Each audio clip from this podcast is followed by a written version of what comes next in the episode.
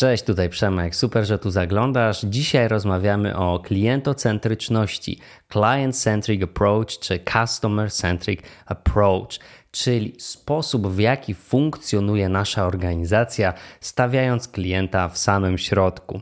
Jak to wygląda, jak buduje się takie procesy, czy firmy robią to dobrze, czy robią to źle? O tym wszystkim w dzisiejszym odcinku zapraszam.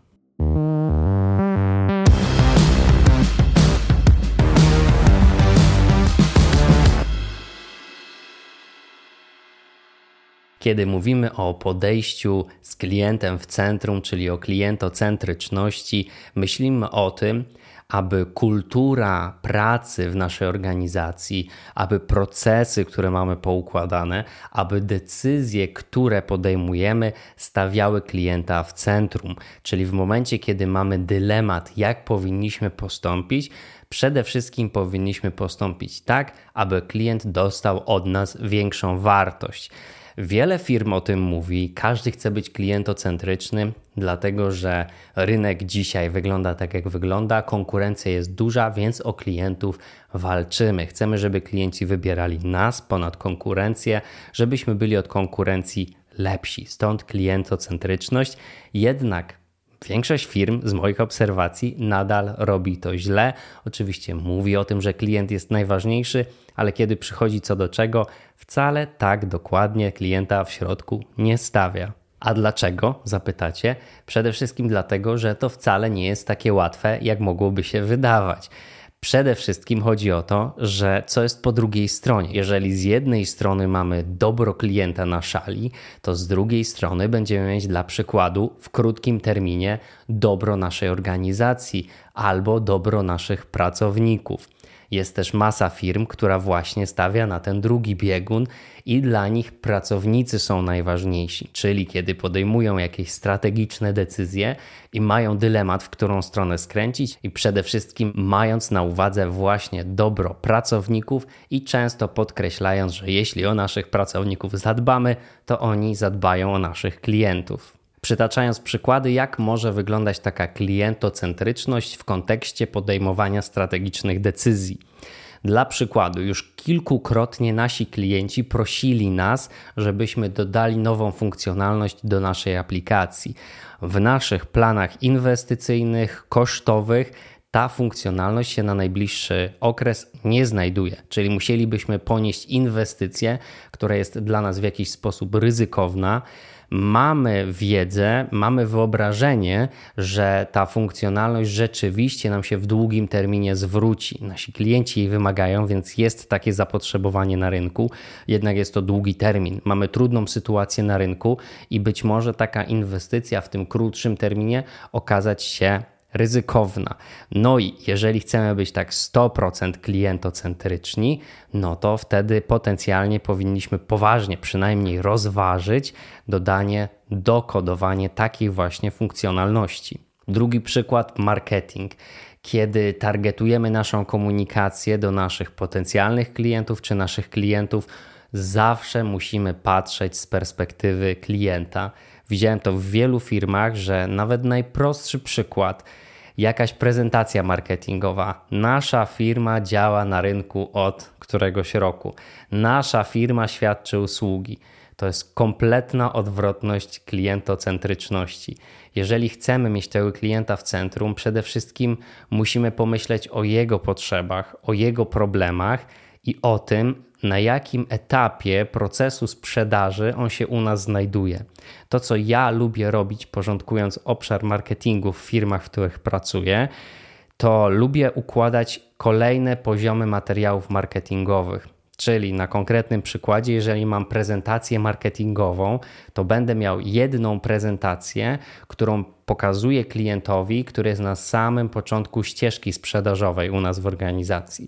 Jeżeli jesteśmy już dalej, mam kolejną prezentację, ja to nazywam właśnie poziomami tych materiałów marketingowych, która jest zupełnie inna, która już pokazuje co innego, odpowiada na inne potrzeby, pokazuje problem z innej strony, bo już jesteśmy w dialogu, już się trochę znamy, już trochę lepiej rozumiem potrzeby i problemy tego klienta, a kiedy jesteśmy już blisko finalizacji umowy, te materiały ponownie wyglądają inaczej.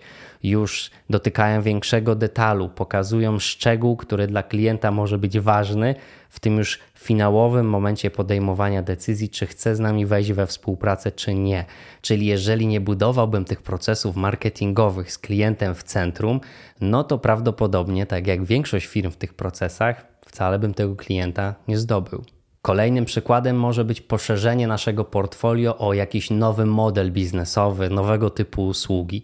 Nie wychodzimy tutaj nigdy ze stanowiska, z pozycji, że albo nasz pracownik wymyślił coś fajnego.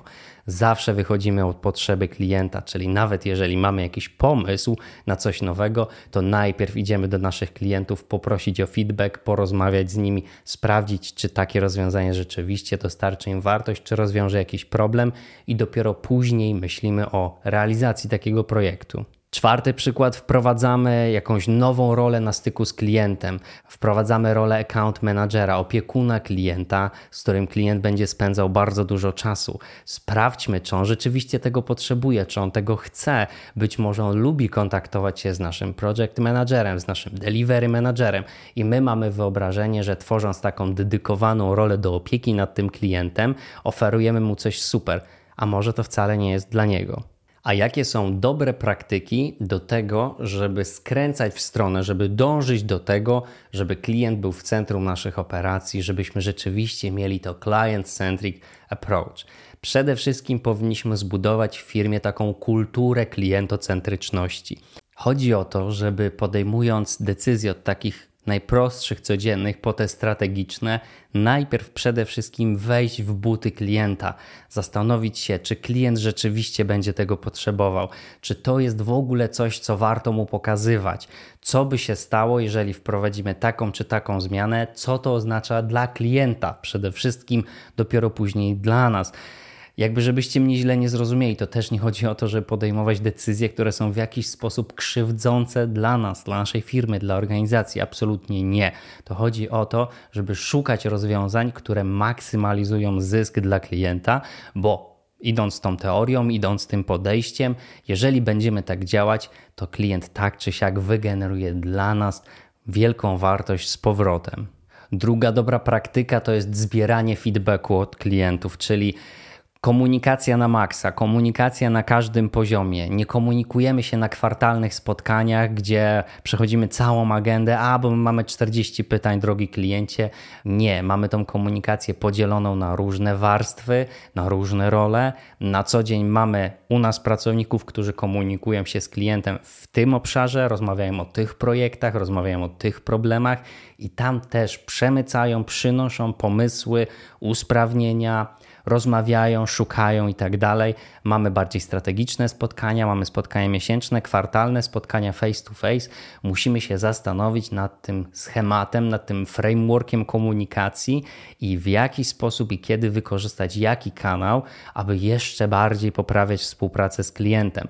Ta komunikacja, ten feedback, właśnie taki szczery feedback, nie na zasadzie, że klient daje nam pięć gwiazdek raz na kwartał czy raz na rok, tylko taka szczera rozmowa przy piwie bezalkoholowym, no to to jest to, czego chcemy, to jest to, czego my powinniśmy pożądać jako organizacja. Trzecia dobra praktyka no to są dane, czyli chcemy operować na konkretnej informacji, nie tylko na naszych wyobrażeniach.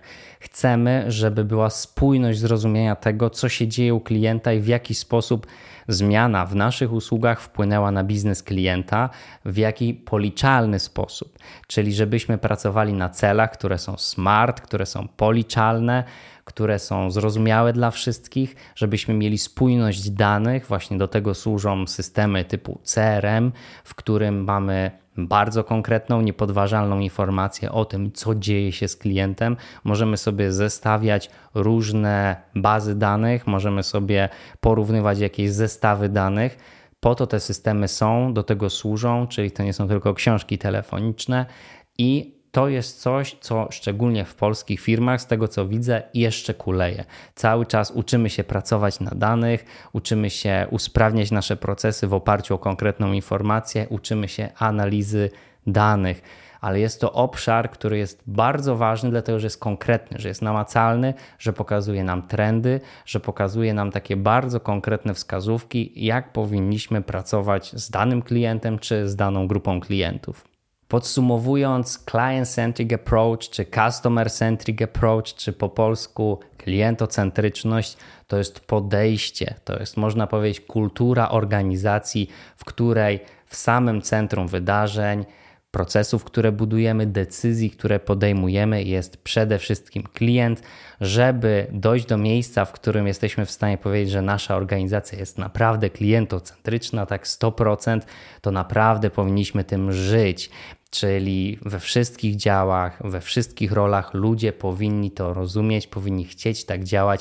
Zawsze powinniśmy zaczynać od pytania, co ta decyzja, co ta zmiana, co to usprawnienie oznacza dla naszego klienta, co jeśli zmieniamy nasz zestaw dokumentów, zmieniamy nasze wzory, zmieniamy nasz proces, zmieniamy nasz schemat komunikacji z klientem, co to oznacza właśnie dla klienta.